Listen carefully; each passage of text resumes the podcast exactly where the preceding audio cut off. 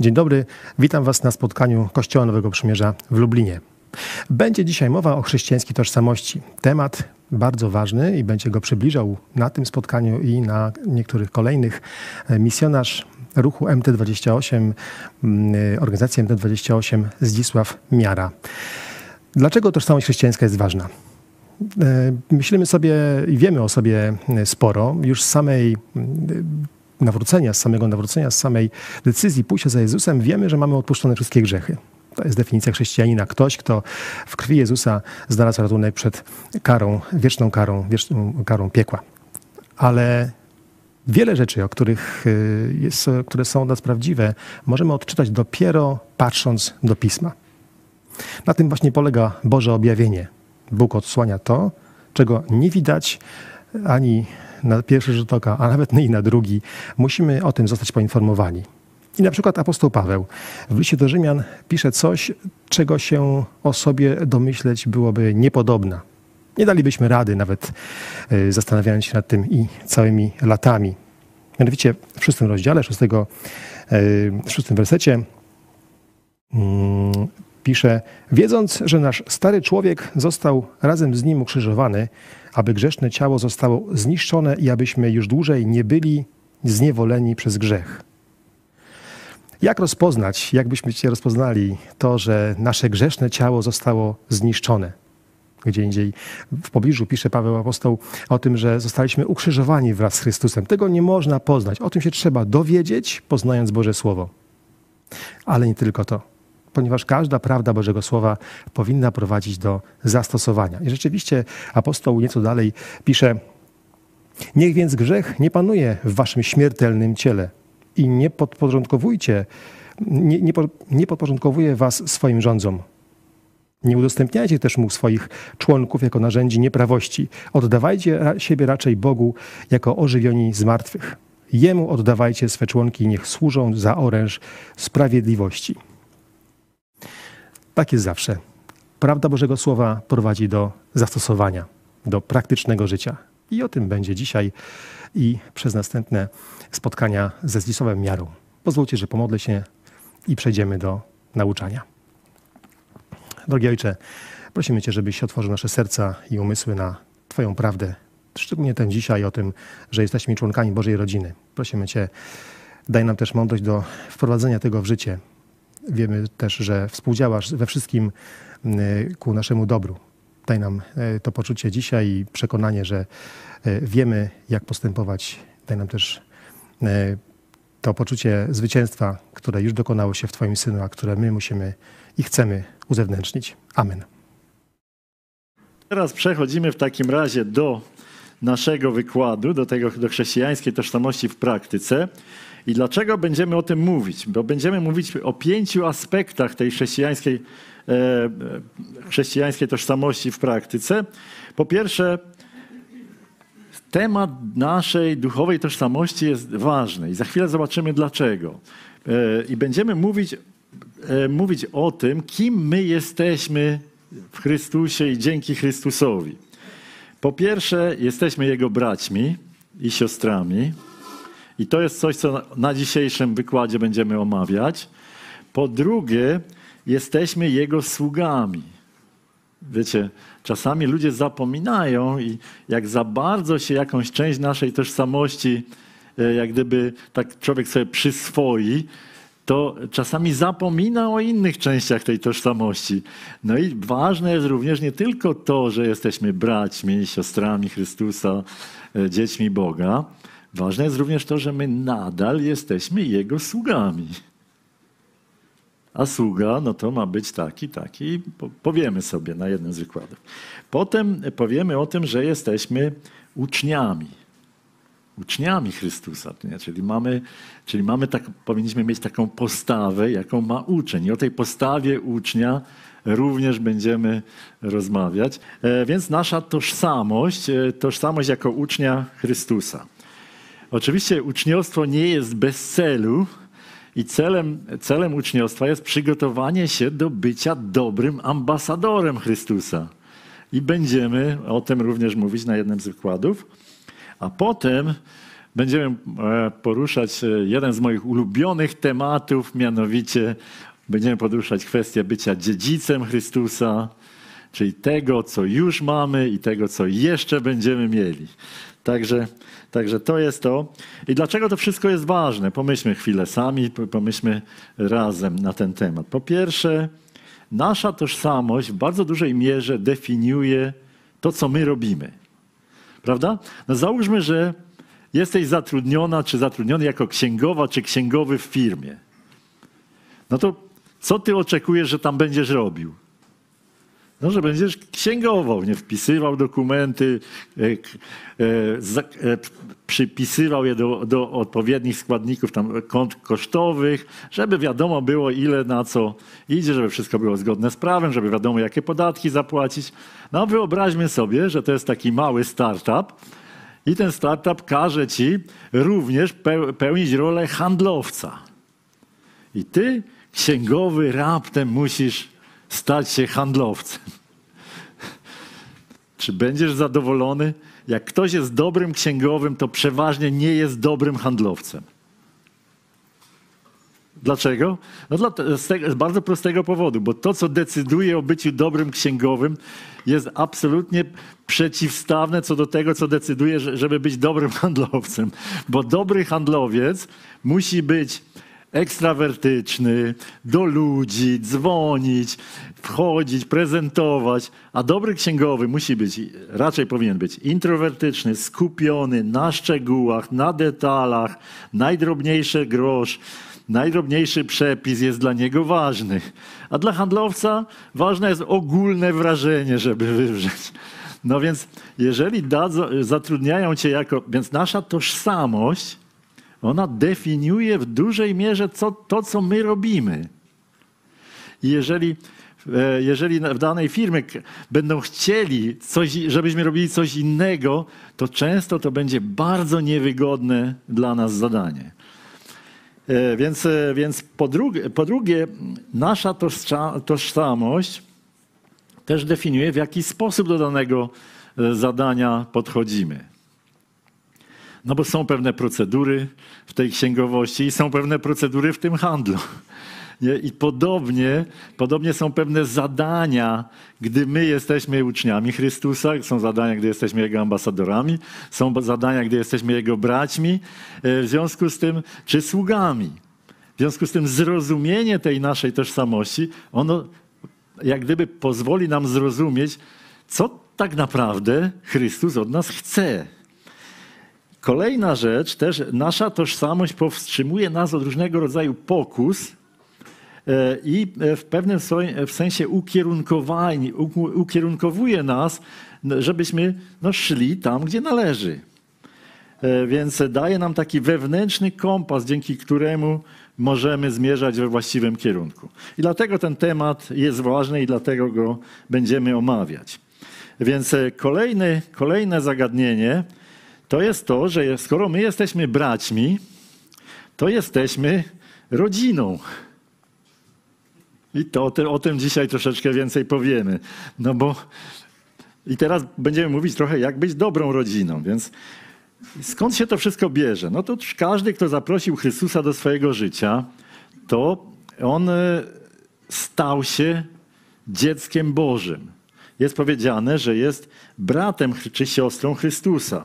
I jeżeli tak, jeżeli my jesteśmy dziećmi, za chwilę to poprę odpowiednimi cytatami, no to stanowimy rodzinę. I mam nadzieję, że nauczymy się trochę lepiej rozumieć, co my jako rodzina powinniśmy robić i jaką rodziną powinniśmy być. Więc, e, więc z jednej strony też myślę, że uświadomimy sobie, że bycie w Bożej rodzinie to jest niesamowity przywilej. Także, także popatrzmy e, na tekst biblijny. Tekst biblijny on pokazuje nam Boga jako Ojca. E, Stary Testament e, tak jeszcze tej idei tak dokładnie nie wprowadził, ale już była tam idea ojcostwa, bo Izrael był jego dzieckiem, jego synem. I, i w Starym Testamencie no, po prostu odnosimy, Bóg odnosi się do Izraela jako swojego syna, jako swojego jest. Dlatego go wychowuje, dlatego wymaga i tak dalej. Nie? Też e, widzimy w Nowym Testamencie, że apostoł Paweł e, do, do Boga Ojca odnosi się z bardzo wielkim szacunkiem. I na przykład w Efezjan 3, 14, 15 napisał takie słowo. Dlatego zginam moje kolana przed Ojcem, od którego wszelkie ojcostwo na niebie i na ziemi bierze swoje imię. Co za wspaniały tekst, nie? Zginam kolana przed Ojcem. Czy zginanie kolan kiedy następowało? Wtedy, gdy składało się hołd. Żyd mógł jedynie Bogu Ojcu składać hołd. My składanie kolan, zginanie kolan raczej utożsamiamy z modlitwą. Raczej starożytności utożsamiane to było z tym wyrazem poddania, z wyrazem hołdu. Apostoł, gdy składa Bogu hołd, uświadamia sobie, że Bóg jest nie tylko Ojcem, ale też źródłem wszelkiego ojcostwa. To Bóg wymyślił, że my jesteśmy ojcami, matkami. To Bóg, e, to Bóg e, wymyślił też to duchowe ojcostwo. Bóg wymyślił wiele różnych rodzajów ojcostwa. I to, I to warto się temu przyglądać. Więc Biblia pokazuje nam Boga jako Ojca i głównie pokazuje nam dzięki Jezusowi, który w, swoich, e, w swoim nauczaniu, w, swoim, e, w swojej modlitwie, on pokazał, że tak traktuje swojego Ojca w niebie. Ale musimy też wiedzieć, że z Pisma Świętego wiemy, że Bóg ma równego sobie syna. Równego sobie syna. To celowo powiedziałem, bo to jest ważne, e, dlatego że w liście do Hebrajczyków, na ekranie mamy, mamy to wprost powiedziane. E, mamy tam powiedziane tak. Wielokrotnie i wieloma sposobami przemawiał Bóg dawnymi czasy do ojców przez proroków. Ostatnio u kresu tych dni przemówił do nas przez Syna, którego ustanowił dziedzicem wszech rzeczy, przez którego także stworzył wszechświat. On, który jest odblaskiem chwały i odbiciem Jego istoty, podtrzymuje wszystko słowem swojej mocy – dokonawszy oczyszczenia z grzechu, siada, zasiadł po prawicy majestatu na wysokościach. Czyli co tutaj widzimy? Widzimy, że Bóg w Starym Testamencie w tym okresie przemawiał wielokrotnie i na różne sposoby przez proroków. I jak popatrzymy, jakie to były najrozmaitsze sposoby, to czasami byśmy nie chcieli w taki sposób służyć Bogu, chodzić z płaszczem i z gołym tyłkiem, i to, no jeden z proroków taki, taki, taki dostał rozkaz, no bo Bóg chciał ich trochę zaszokować, zwrócić na siebie uwagę, bo go zupełnie lekceważyli. E, więc, e, więc to, jest, e, to jest to niestety wielokrotnie i na różne sposoby. Nie? I tym najdoskonal, najdoskonalszym objawieniem było objawienie przez Chrystusa. Dlatego, że tenże Syn on jest współwłaścicielem wszystkiego. On jest współtwórcą wraz z ojcem. Oni, oni, ojciec wymyślił, syn zrobił. Tak, tak przynajmniej wynika z tego tekstu. Ale nie tylko jest twórcą, jest też. Tu jest e, troszeczkę w tym tłumaczeniu, to tego nie widać. On jest wypro, wypromieniowaniem istoty Boga. E, to jest, e, to jest ważna, ważna rzecz. Bo wiecie, jest, zwykle tłumaczy się to słowo, że on jest odblaskiem. No ale odblask to nie jest rzeczywistość. Dlatego mi się to odblask nie podoba jako tłumaczenie. I lepszym tłumaczeniem jest to wypromieniowanie istoty, czyli, czyli jak gdyby, e, że on, e, on jest tak samo jak, e, jak ojciec, tylko że widoczny dla nas. Nie? Więc to. No i też on jest tą doskonałą reprezentacją boskości. Ta boskość w czasie jego ziemskiego pobytu jest oczywiście przykryta człowieczeństwem, jest, on się ogołocił samego siebie, więc ona nie jest widoczna w pełni, ale, je, ale nie przeczy to, że Jezus jest w pełni Bogiem. tenże Syn utrzymuje wszechświat w istnieniu. To nie jest mniejszy jakiś Bóg, jakiś podrzędny Bóg. On trzyma to wszystko, co, czego dotykamy, nas samych, on trzyma, podtrzymuje istnienie. I gdy powie koniec, to wszystko w ogniu się rozsypie. To jest moc. Rozumiecie? Niesamowita moc. Jak można mówić, że on jest jakimś mniejszym Bogiem? Po drugie, ten syn e, dokonał wspaniałego dzieła, dzieła oczyszczenia z grzechów. I dlatego zajmuje to zaszczytne miejsce po prawicy Boga. Czyli to po prawicy to oznacza, że on współrządzi, jest koregentem. Jak się patrzy na Apokalipsę dokładnie, to kto zasiada na tronie? Na tym jednym tronie. Tam jest w czwartym rozdziale jest jeden tron opisany, nie tam inne trony też są opisane, ale ten główny jest jeden. I kto tam zasiada? Pamiętacie? Zasiadający i baranek. Jezus Chrystus. Więc syn i ojciec, oni są sobie równi i razem z tego głównego tronu zarządzają wszechświatem. I my mamy takiego właśnie Jezusa jako brata czy siostry. My nie mamy byle jakiego brata. My mamy naprawdę króla królów i pana, pana panów za brata, czy za po prostu, czy, a on ma za siostry, czy, czy nas za braci. Ważna bardzo koncepcja, żebyśmy mieli w swoich umysłach Jezusa jako tego, kim naprawdę jest. I wtedy rozumiemy, że bycie w Bożej rodzinie to przywilej, to wyróżnienie, to coś wspaniałego. No bo, bo bycie w Bożej rodzinie to przy, właśnie ten przywilej posiadania Jezusa jako brata. Bo tu, I teraz e, skąd wiemy, że Bóg zamierzył to, to, to braterstwo i to wszystko? Otóż bo mamy w liście do Rzymian w ósmym rozdziale takie słowa, bo tych, których przedtem znał, przeznaczył właśnie, aby się stali podobni do obrazu Syna Jego, a On, żeby był pierworodnym pośród wielu braci.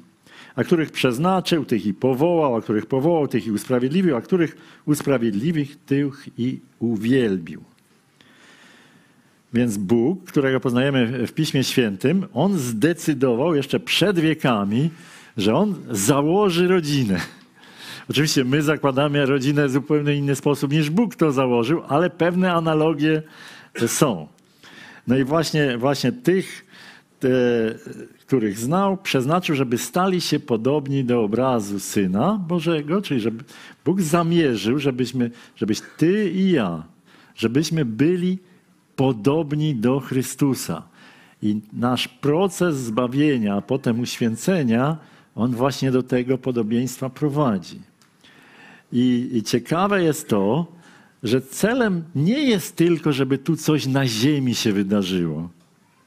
Fajna wspólnota, radość, dynamizm, działanie i tak dalej. Jego e, zamysłem jest to, żebyśmy również w niebie, chwale Bożej, żebyśmy tam przebywali i tam też tworzyli tą Jego rodzinę w przyszłości. Bo chciał, żeby Jego syn miał innych braci i siostry. Czyli Bożym zamysłem z tego tekstu widać jest utworzenie takiej wielkiej Bożej rodziny. No i teraz e, do tej rodziny Bożej my wchodzimy przez powołanie. W jaki sposób to powołanie się realizuje? Bóg po prostu kieruje do nas słowa Ewangelii, które zapraszają nas do tego, żebyśmy weszli do Jego Królestwa, weszli też do Jego rodziny. I te słowa Ewangelii e, no jest, e, jest czyni, no to jest to przyjęcie wiarą słów Ewangelii czyni nas dziećmi Bożymi. Za chwilę to jeszcze e, pokażę. Nie? Więc żebyśmy my, grzeszni ludzie, mogli mieć dostęp do Boga, pokój z Nim, On nas jako wierzących obdarza różnymi darami. Między tym, jednym z tych największych darów jest ten dar Bożej sprawiedliwości, a potem dopiero e, wprowadza nas do swojej chwały na, na mocy tego daru. E, I teraz, e, żeby nie być gołosłownym, przeczytam tekst z, z Jana. Tym zaś, którzy go przyjęli, dał prawo stać się dziećmi bożymi, tym, którzy wierzą w imię Jego, którzy narodzili się nie z krwi, ani z cielesnej woli, ani z woli mężczyzny, lecz z Boga. I kolejny tekst z Jakuba, gdy zechciał, zrodził nas słowem prawdy, abyśmy byli niejako pierwocinami Jego stworzeń. Więc gdy przez wiarę zaprosiliśmy Chrystusa do naszego życia, wtedy narodziliśmy się z Boga, narodziliśmy się do Bożej rodziny. To, to jest ważna, ważna sprawa. Nie jest to żaden akt fizyczny, tylko i wyłącznie duchowy. I nie należy tutaj mieszać niczego, co fizyczne. To jest narodzenie z Boga jest procesem czy, czy aktem duchowym. Nie, nie ma żadnego związku z chrztem, z przyłączeniem się do kościoła i tak dalej. Oczywiście ktoś, kto to zrobił, to będzie chciał tych rzeczy, ale nie mieszajmy rzeczywistości, które mają coś poświadczyć, z rzeczywistościami, które coś sprawiają. Wiara w Ewangelię sprawia nasze duchowe narodziny. My możemy to potem w jakiś sposób świętować, różne rzeczy robić, ale, ale trzeba pamiętać, co jest przyczyną, a co tylko poświadczeniem. Dokonuje się to przez słowo prawdy, to zrodzenie, czyli opowiadanie i przyjęcie wiarą dobrej nowiny o zbawieniu. Bycie w Bożej rodzinie to przywilej posiadania ducha jako gwaranta wspaniałej przyszłości. Otóż e, mamy tam, e, mamy e, w Efezjan takie słowa. W nim i wy, którzy usłyszeliście słowo prawdy, Ewangelię zbawienia waszego i uwierzyliście w niego, zostaliście zapieczętowani obiecanym Duchem Świętym, który jest rękojmią dziedzictwa naszego, aż nastąpi odkupienie własności Bożej ku uwielbieniu chwały Jego. E, ten to duch świadczy wespół z duchem naszym, że dziećmi Bożymi jesteśmy. A jeżeli dziećmi, to i dziedzicami, dziedzicami Bożymi, a współdziedzicami Chrystusa, jeśli tylko razem z Nim cierpimy, abyśmy także razem z Nim uwielbieni byli. Więc tutaj e, apostoł Paweł w liście do Efezjan e, podaje bardzo ważną koncepcję, jak gdyby rysuje nam pewną koncepcję przed oczami. Koncepcja ta jest wzięta z transakcji handlowych. Otóż jak się w starożytności coś kupowało, to, e, to jak, jak już się zapłaciło ten zadatek, to wtedy się to pieczętowało i mówiło pieczęcią tego właściciela, jego jakimś tam znakiem graficznym i to mówiło, to jest moje. To już nie jest, ja zapłaciłem zadatek, to jest moje. Oczywiście resztę zapłaty tam trzeba było w stosownym terminie uiścić, inaczej ta transakcja nie, była nieważna, ale, ale było, ta pieczęć była gwarantem tego, że, że zadatek został zapłacony i że to jest własność już nowego właściciela. I w naszym przypadku tu jest powiedziane, że jak my usłyszeliśmy słowo prawdy, uwierzyliśmy, zostaliśmy zapieczętowani. Co to znaczy? To znaczy, że Bóg oznaczył nas jako swoją własność. Czyli my jesteśmy własnością Boga. No i teraz co jest tą pieczęcią? Co ten tekst mówi? Ten tekst mówi, że tą pieczęcią jest obecność Ducha Świętego w nas. Tak jak ten atrament z pieczątki jest tą pieczęcią na tym dokumencie, tak Duch Święty obecny w nas jest tą pieczęcią tego, że my należymy do Boga, że jesteśmy Jego własnością. E, I teraz e, i też w związku z tym e, jesteśmy dziećmi Bożymi i tymi, tymi wszystkimi innymi rzeczami, o których będziemy mówić. Więc jesteśmy też Jego dziedzicami, co, co kiedyś przyszło, jeszcze na końcu omówimy. Więc, więc to są, to są ważne, ważne niezwykle koncepcje, dlatego że że musimy rozumieć, że Bóg działa w porządku pewnym i, i działa w taki sposób, e, że robi coś skutecznie. No nie tak prosto jest odebrać Bogu Jego własność. Nawet twierdzę, że jest to niemożliwe. No bo kto jest silniejszy, kto mógłby odebrać Bożą własność Panu Bogu? E, I teraz e, bycie w Bożej rodzinie to właśnie e, przywilej posiadania gwaranta, Ducha Świętego jako gwaranta. I popatrzmy, co mówił, powiedział Jezus o ludziach wierzących, gdyż już nie mogą umrzeć, to jest spór z, faryze, z tymi z faryzeuszami, z częścią faryzeuszy, saduceuszy dokładnie rzecz biorąc, gdyż już nie mogą umrzeć, są bowiem równi aniołom, a jako uczestnicy zmartwychwstania są synami bożymi. A że umarli wzbudzeni będą, to i Mojżesz zaznaczył przy krzaku gorejącym, gdy nazywa Pana Boga Bogiem Abrahama i Bogiem Izaaka i Bogiem Jakuba. Nie jest on przeto Bogiem umarłych, ale żywych. Dla Niego bowiem wszyscy żyją. Czyli gdy Jezus spiera się o tą przyszłość, co będzie z nami potem i tak dalej, e, no to, to stwierdza bardzo ciekawe rzeczy. Niesamowicie, że my po naszej śmierci zostaniemy zrównani z aniołami. Czyli będziemy mieszkali razem z Bogiem, będziemy, nie będziemy mieli tych ograniczeń, jakie mają, będziemy mieli dostęp do Boga, jak mają aniołowie i będziemy mieli te moce, które mają, prawdopodobnie jakie mają aniołowie, czy nam też Pan Bóg coś tam e, dostarczy. Przypuszczamy, nie, nie wiemy do, do końca tego. I bardzo ważne jest to, że my też będziemy żyli, że nasze życie wieczne, ono się zaczyna już teraz, a nie, i nigdy nie kończy. Inaczej nie byłoby wiecznym. To tak, taki mój argument matematyczny. no jak, jak coś nazywamy wiecznym, czyli takim, że się zaczyna i nigdy nie kończy, no to jak to można stracić? Jak to można zawiesić tą wieczność, pozbawić i tak dalej? No nie, nie byłoby to nazwane wiecznym. No i też, e, też e, mamy tą, w związku z tym tą gwarancję zmartwychwstania i też między nami teraz a naszym zmartwychwstaniem my będziemy żyli. Nie jak twierdzą świadkowie, że zostaniemy zarchiwizowani i tam będziemy w, w jakichś zapisach bożych istnieć. Nie. My będziemy żyli. My, rozumiecie? To, to, są ważne argumenty, jak będziecie się kiedyś o, walczyć o jakiegoś świadka Jehowy. E, w każdym razie, no bo Bóg nie jest Bogiem umarłych, ale żywych. Przecież ten Abraham, Izaak, Jakub, oni wszyscy umarli, a u Boga Bóg mówi, ja jestem Bogiem Izra Abrahama, który tam ze mną żyje. To czas, to znaczy ten tryb, tryb hebrajski to, to pokazuje.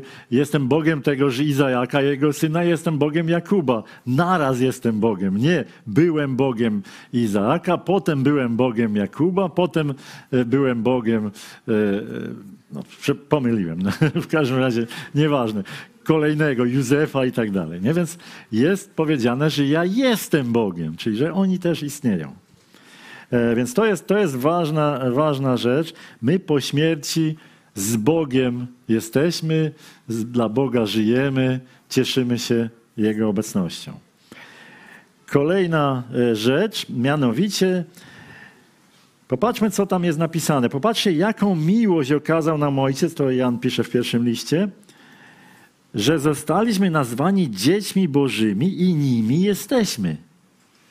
Nie tylko jest nazwani, ale jesteśmy tymi dziećmi bożymi. Dlatego świat nas nie zna, że Jego nie poznał. Umiłowani, teraz dziećmi bożymi jesteśmy, ale jeszcze się nie objawiło, czym będziemy. Lecz wiemy, że gdy się objawi, będziemy do Niego podobni, gdyż ujrzymy Go takim, jakim jest.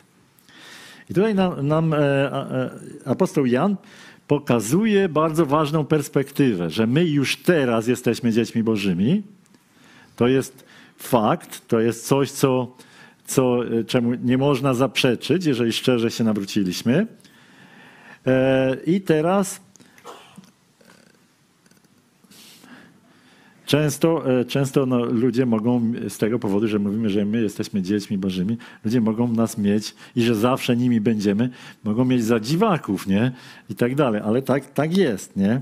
Fakt posiadania wszechmogącego Boga jako Ojca po prostu nas umacnia i daje nam perspektywę na przyszłość, że teraz to tylko ten mały przedsmak, ale jeszcze do końca nie wiadomo, kim my będziemy. Ale wiadomo, że będziemy do Niego podobni. Czyli co to oznacza? To oznacza, że ta nasza grzeszna natura, te nasze wady, niedoskonałości, to wszystko zostanie z naszego życia zabrane i będziemy do Niego podobni. No i wtedy będziemy Go też oglądać twarzą w twarz. E, więc, e, więc teraz popatrzmy na kolejny werset, e, więc teraz będziemy mówić o więzi. Bo bycie w Bożej rodzinie to nie tylko przy, przywileje, ale też obowiązek dbania, dbania o więź przyjaźni z Bogiem i ze sobą nawzajem. Nie? Czyli to jest, to jest już coś bardziej takiego praktycznego. Mianowicie popatrzmy, co w pierwszym Jana mamy napisane. To jest dosyć trudny tekst i nie, nie dam sobie ręki uciąć, że go poprawnie interpretuję, ale prze, po, podzielę się z moimi przemyśleniami, co on znaczy.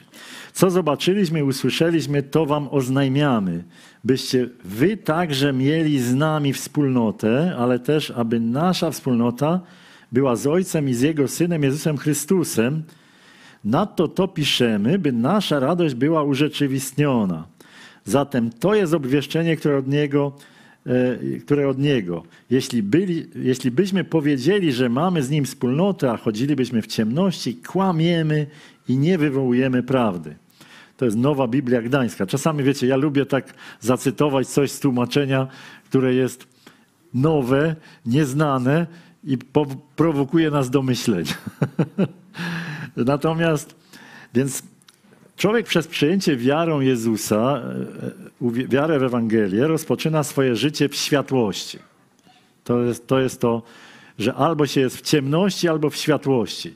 To są dwa takie stany ontyczne, czyli, czyli to jest rzeczywistość duchowa. My albo jesteśmy tym, albo tym. No i w ten sposób my rozpoczynamy swój związek z Bogiem. Związek z Bogiem, tak jak małżeństwo rozpoczynamy, gdy nawzajem sobie ślubujemy. Nie? Czyli my rozpoczynamy związek z Bogiem. Przeszliśmy z ciemności do światłości. Związek jest. Teraz ten związek może być związkiem przyjaźni albo związkiem zbuntowane dziecko. Rozumiemy? Nie? Ten, ten, ten związek nasz, on jest, dziecko nie przestaje być naszym dzieckiem, nawet jak się buntuje, ale nie zawsze ta relacja którą nazywa, ja lubię nazywać wspólnotą z Bogiem, czyli, wspólnota to jest taki związek pełen przyjaźni. Czyli to, tutaj, e, tutaj e, to, to słowo greckie koinonia e, jest, jest użyte, które tutaj jest przetłumaczone jako wspólnota. Więc ta, ta to, czyli ten związek, jaki mamy z Bogiem, ten fakt, on powoduje, że my wszyscy jesteśmy w tej koinonii, czyli w tej wspólnocie między sobą i, i z, dlatego, że jesteśmy we wspólnocie z Bogiem, to jesteśmy też we wspólnocie ze sobą. No i gdybyśmy, gdyby ktoś powiedział, że jest członkiem Bożej rodziny, ale nadal chodził w ciemności, to ten tekst mówi, że on kłamie. Po prostu nie nastąpiło nowe narodzenie, nie nastąpiło narodzenie z, z Boga i on nadal jest w ciemności, więc to nic to nie zmienia. A na, natomiast e, jeżeli nie ma w kimś zbawczej wiary, no to on jest w ciemności. Trzeba sobie to szczerze powiedzieć.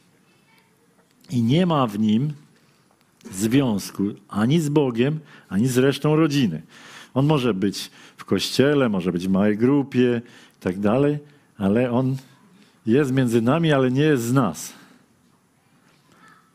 To nie znaczy, że nie może być między nami, bo ludzie, nie wiem czy wiecie, ale doświadczają obecności Boga Właśnie gdy przyjdą do kościoła, gdy przyjdą na małą grupę, bo, bo wtedy Chrystus manifestuje się w nas i przez nas. Więc to, więc to, to nie znaczy, że jak ktoś jest z tego świata, to on ma, nie, nie ma wstępu do Królestwa Bożego. On ma wstęp, tylko trzeba go jeszcze tam przyprowadzić. Natomiast my nie możemy mieszać rzeczywistości, że jak ktoś wystarczająco długo chodzi, to już na pewno jest chrześcijaninem. Tak może nie być. Więc, e, więc jeżeli e, to, ja wolę tą wspólnotę definiować jako więź przyjaźni. I teraz, e, jeżeli przyjmujemy bez przyjaźni, be, be, przyjaźni nie ma bez związku. Związek to tak jak małżeństwo, a miłość małżeńska to zupełnie inna sprawa. Ona musi być pielęgnowana, rozwijana i tak dalej. Więc, więc brak związku oznacza chodzenie w ciemności, bo Bóg z ciemnością nie ma nic wspólnego.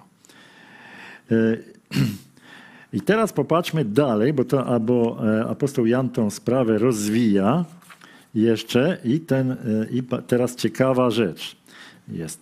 Jeżeli zaś chodzimy w światłości, jak On jest w światłości, mamy wspólnotę między sobą, a krew Jezusa Chrystusa, Jego Syna, oczyszcza nas z każdego grzechu. Jeśli byśmy powiedzieli, że grzechu nie mamy, samych siebie zwodzimy i nie ma w nas prawdy. Jeśli będziemy wyznawali nasze grzechy, godny zaufania jest Bóg i sprawiedliwy, aby nam darował grzechy i oczyścił nas od wszelkiego bezprawia. Jeśli byśmy powiedzieli, że nie zgrzeszyliśmy, czynimy go kłamcą i nie ma w nas jego słowa. Więc myślę, że w tym e, pojęciu chodzenie w światłości, czyli nie bycie w światłości, tylko chodzenie w światłości, właśnie chodzi o pielęgnowanie tej więzi przyjaźni z Bogiem. I to jest coś, co, co bo, no bo dlaczego? No bo związek to jest coś nienaruszalnego, to jest coś e, stałego, to jest coś zagwarantowanego przez Ducha Świętego i tak dalej. My na to wpływu już nie mamy. My, my możemy wejść w związek, ale jak już został zawarty, on jest. Natomiast ta więź przyjaźni, to chodzenie w światłości, czyli według tych Bożych zasad, ono, ono e, stanowi tą istotę wspólnoty między Bogiem a nami i między nami, jako chrześcijanami, między sobą nawzajem. I teraz ciekawe jest to, że apostoł Jan zakłada, że my, chrześcijanie, chcąc nie chcąc, nadal grzeszymy. I, tu, I tutaj mówi, i jeżeli ktoś by twierdził, że on już jest tak święty, że nie grzeszy, to niestety kłamie. I bardzo ważne jest to, że, e, że musimy uświadomić sobie, że nasza grzeszna natura nadal w nas jest, nadal w nas będzie i dopóki Pan Bóg nas nie oczyści z tej grzesznej natury, zdarzy się nam grzeszyć. Mam nadzieję, że będziemy robić postępy, coraz mniej będzie tego w naszym życiu. No taką, po to został nam dany między innymi Duch Święty, ale pogodzenie się z tym, że my jesteśmy grzeszni, jest niestety takim smutną koniecznością każdego chrześcijanina. Pan Bóg nie jest tym rozczarowany. On dał nam możliwość wyznania grzechu, żebyśmy mogli wracać do tej, do wspólnoty z Nim, do więzi przyjaźni z Nim. Po to jest wyznanie grzechu, o którym tutaj jest mowa, e, żebyśmy e, e, wracali do, do przyjaźni, do, do przyjaźni, czyli w tym sensie wspólnoty z Bogiem. E, więc e, Bóg przygotował dla nas możliwość wyznania grzechu bezpośrednio Bogu. Tutaj nie ma nic mowy o składaniu ofiar, pójściu do jakichś pośredników, no chyba, że kogoś trzeba przeprosić. Ale to już inna historia. Nie? Więc tutaj to mamy bardzo wyraźnie. Tutaj wyznajemy grzechy Bogu. Nie? Wielu z nas, gdy było jeszcze katolikami, najpierw wyznawaliśmy grzechy Bogu, potem do spowiedzi chodziliśmy, a potem stwierdziliśmy, po co to chodzenie do spowiedzi? I wielu, wielu ludzi stwierdziło, że przecież jak wyznaje grzechy Bogu, to Bóg nas, zgodnie ze swoją obietnicą odpuszcza nam te grzechy. I po co tu jeszcze coś więcej? Nie? E, więc, e, więc jak rozumieć to, to odpuszczanie grzechów? Nie? Bo to wiecie, z jednej strony mówimy, że wszystko na, na krzyżu, na, wszystkie nasze grzechy zostały e, wybaczone. Gdy uwierzyliśmy, ta krew Chrystusa zmyła nasze grzechy. No to jaka jest rola tego wyznawania grzechu? To już tak jak powiedziałem. Wszystko zostało wybaczone. Gdybyśmy umarli, idziemy do nieba. Czy wyznałeś ten grzech, czy nie wyznałeś? Fundament jak jest, jest niebo. Natomiast ta więź przyjaźni, e, jaka powinna być między nami a Bogiem i między nami w rodzinie chrześcijańskiej, ona wymaga pielęgnowania. To tak jak dobre małżeństwo wymaga pielęgnowania. E, więc to, e, to po prostu i jeżeli kogoś, nie wiem, żonę urazimy, albo potraktujemy nie, nie tak jak trzeba, albo nie zrobimy tego, o co nas prosiła, albo zawalimy w jakiś inny sposób, no to trzeba, i to, był, to jest ten grzech przeciwko naszej więzi miłości, to trzeba ten grzech wyznać, przeprosić, naprawić i tak dalej. I podobnie jest między nami a Bogiem. My naprawiamy więź, tą relację przyjaźni z Bogiem i naprawiamy relację przyjaźni poziome. E, więc e, naprawiamy szkody wyrządzone człowiekowi między innymi. Więc e, i tutaj powiem jedną szokującą rzecz. My jako protestanci nie można powiedzieć, że my nie mamy spowiedzi, bo mamy. Mamy spowiedź jako sposób odnowienia więzi przyjaźni z Bogiem, nie odnowienia zbawienia, które straciliśmy, bo zgrzeszyliśmy. Nie, tak nie mamy. Zbawienie jest zagwarantowane, ono gładzi wszystkie nasze grzechy. Natomiast w sensie możliwość wyznania grzechów Bogu mamy, praktykujemy i jak robimy to solidnie, to rzeczywiście ten grzech coraz bardziej jest eliminowany z naszego życia. Także, że natomiast też bardzo ważne jest to, żebyśmy nie tworzyli też takiej atmosfery, że my tu sami super święci, już do nieba to tylko kawałek brakuje. Nie. E, apostoł Paweł pisząc list do Rzymian, czyli już tak bliżej końca jego służby niż początku, mówi nieszczęsny ja człowiek, kto mnie wyzwoli z tej grzesznej natury, której, której tkwię i z tego grzechu, który nadal popełniam. Więc to nie jest tak, że im bliżej śmierci, tym mniej. Tym mamy nadzieję, że mniej grzechu, ale nie jest tak, że w ogóle nie zgrzeszymy. I im bardziej zaakceptujemy ten fakt, że my jako chrześcijanie jesteśmy grzeszni i że będzie nam się zdarzało grzeszyć, że nie powinniśmy być tym jakoś strasznie obru, obruszeni, jak tak można i tak dalej. My musimy tworzyć relacje oparte o prawdę. A prawdą jest to, że wszyscy grzeszymy, wszyscy zawodzimy Pana Boga i to i będziemy. Mam nadzieję, że coraz mniej, ale będziemy gdzieś, jak nie tu, to tak. Albo coś powiemy, co zrani kogoś, albo coś, e, coś zabierzemy komuś nie, przez nieuwagę albo przez uwagę. Wiecie, różnie to bywa. Grzech, szatan nadal walczy o nas. Więc ważne, żeby w grupie była taka atmosfera, żeby nie bać przyznać się do czego, z czego, z czym się zmagam. Wtedy bracia i siostry mogą pomóc, mogą modlić się, mogą, mogą jakoś tam współczuć czasami, wiecie, bo są najrozmaitsze grzechy po prostu i to i czasami ciężko się z czegoś wyzwolić. I apostoł Paweł nawet mówi w jednym z listów, że, że Pan Bóg zesłał na niego taki oścień szatana, żeby go policzkował.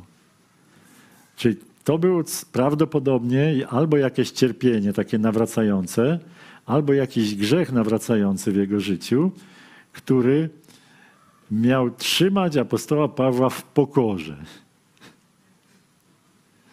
I Bóg powiedział: Nie zabiorę tego, ale wystarczy ci mojej łaski. Rozumiemy? nasz, nam wystarczy Bożej łaski. Możemy się z czymś zmagać, nie, nie umieć, nie wiem, rzucić palenia na przykład. Czasami niektórzy mają tak silne uzależnienie, że nie są w stanie tego rzucić. No i co, mamy go wyrzucić z kościoła z tego powodu? Czy z małej grupy? Kiedy Chrystus za to umarł? Ale możemy pomóc, możemy modlić się, możemy, nie wiem, zaproponować jakieś coś w zamian, jakiś środek, może ktoś coś wie, może jakiś odwyk. No wiecie, różne rzeczy, jak, jak jest się wśród braci i sióstr, można walczyć o to, żeby tego nie było, ale z takim poczuciem akceptacji tylko Bóg może z niektórych rzeczy uwolnić. Więc te, te relacje na, oparte na prawdzie i tutaj ta nasza autentyczność, że my nie zgrywamy się na, nie udajemy ludzi bardziej świętych niż jesteśmy. E, to, to jest niezwykle ważne. Niezwykle ważne, żeby żyć w prawdzie, nie udawać kogoś, kim się nie jest, ale szczerze przyznawać się do swoich słabości, prosić o pomoc. E, I, i oczywiście no, nie wszystko trzeba opowiedzieć ze wszystkimi szczegółami, bo to, to też, to tylko czasami w jakiejś osobistej rozmowie, ale, ale warto te takie relacje otwartości pielęgnować. Bycie w Bożej rodzinie to ogromne korzyści. Nie? I pierwsza taka największa korzyść to jest dostęp do Boga. Y, list do Hebrajczyków, czwarty rozdział mówi tak. Mając więc wielkiego arcykapłana, który przeszedł przez niebiosa, Jezusa, Syna Bożego, trzymajmy się mocno wyznania. Nie mamy bowiem arcykapłana, który by nie mógł współczuć ze słabościami naszymi, lecz doświadczonego we wszystkim podobnie jak my, z wyjątkiem grzechu.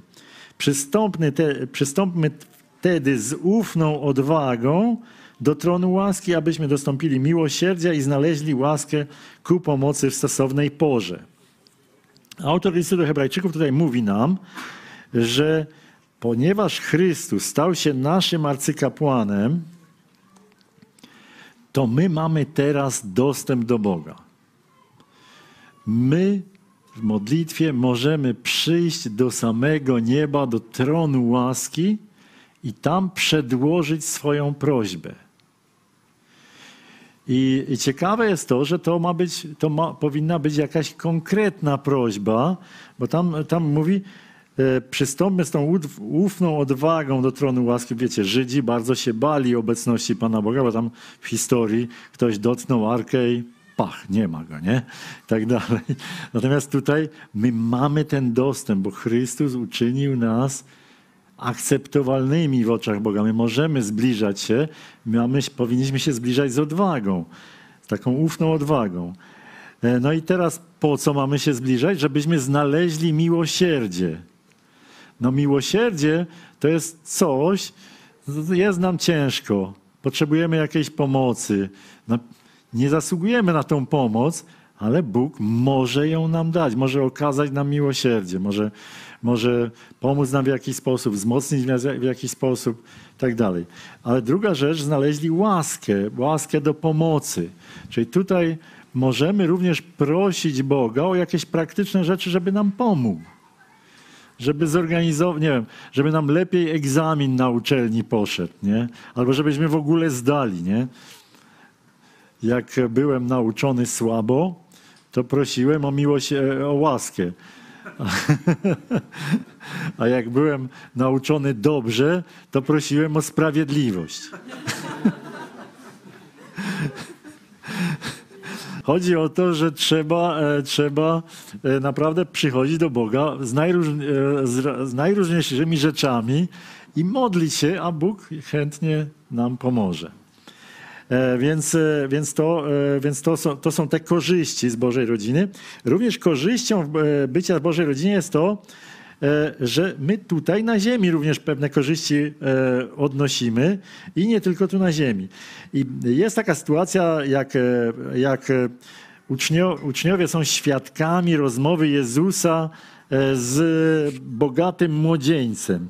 I ta rozmowa z bogatym młodzieńcem, no wiemy, że zakończyła się taką na smutną trochę nutę, bo on odszedł zasmucony i myślę, że Pan Jezus też nie był zbyt zadowolony, że, że nie poszedł za tą jego ofertą, e, która, która dałaby mu zbawienie.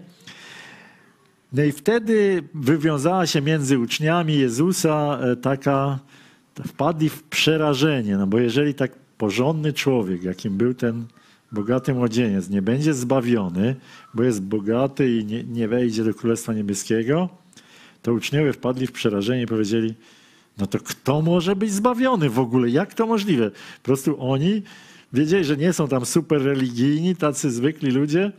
I kto tu może być zbawiony? I wtedy Jezus ich uspokaja i mówi, że no, nie martwcie się, u ludzi zbawienie jest niemożliwe, ale u Boga jest, bo u Boga wszystko jest możliwe. No i wtedy Piotr mówi następujące słowa i odczytam. E, wtedy odpowiadając Piotr rzekł mu, oto my opuściliśmy wszystko i poszliśmy za Tobą, cóż za to mieć będziemy? Co za interesowność, nie? Jezus rzekł, rzekł im, zaprawdę powiadam wam, że wy, którzy poszliście za mną przy odrodzeniu, gdy Syn Człowieczy zasiądzie na tronie chwały swojej, zasiądziecie i wy na dwunastu tronach i będziecie sądzić dwanaście pokoleń izraelskich. I każdy, kto by opuścił domy, albo braci, albo siostry, albo ojca, albo matkę, albo dzieci, albo rolę dla imienia mego, stokroć tyle otrzyma i odziedziczy żywot wieczny. Więc tu widzimy, e, po pierwsze, e, musimy e, zrozumieć jedną rzecz, że uczniowie poszli dlatego, że uwierzyli w Jezusa jako Mesjasza.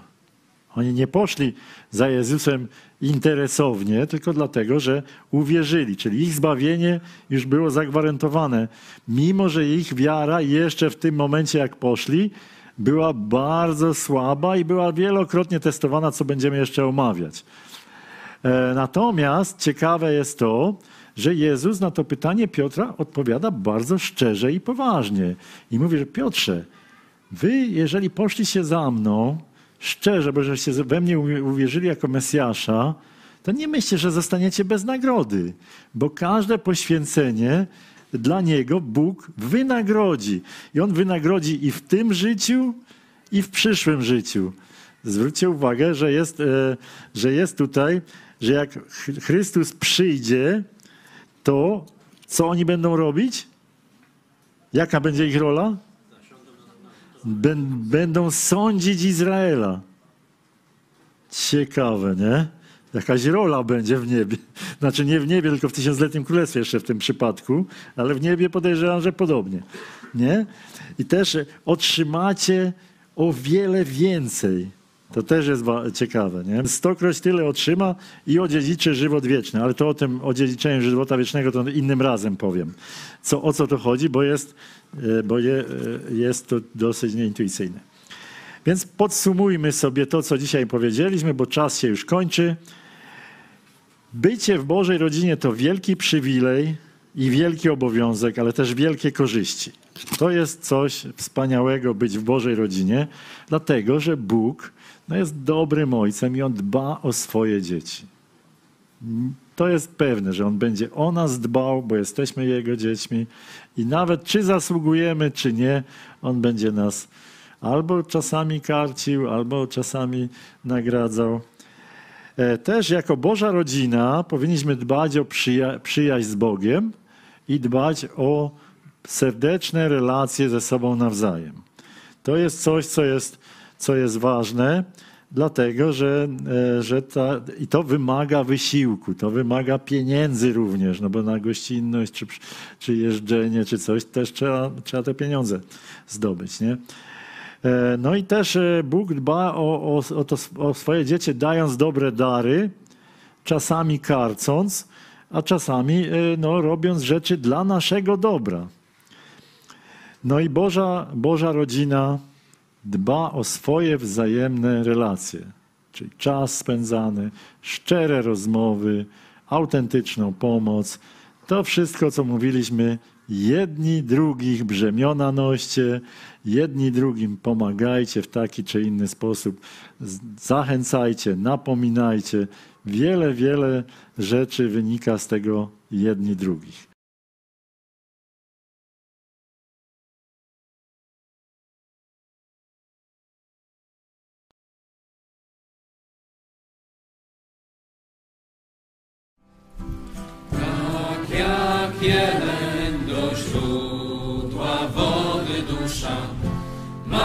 ciebie mnie,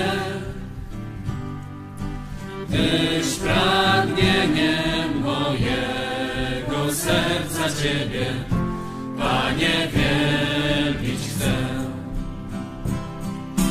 Tyś mą siłą, tyś tarczą jest.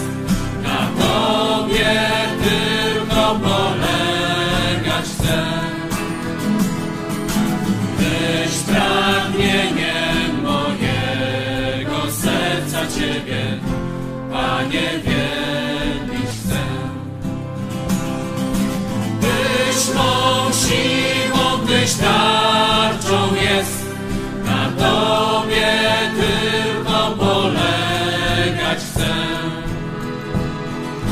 Tyś pragnieniem mojego serca Ciebie, Panie, wielbić chcę.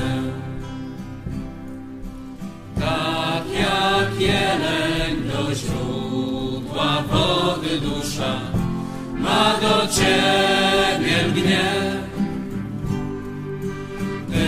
pragnieniem mojego serca Ciebie, Panie, wielbić chcę. Tyś mą siłą, Tyś tarczą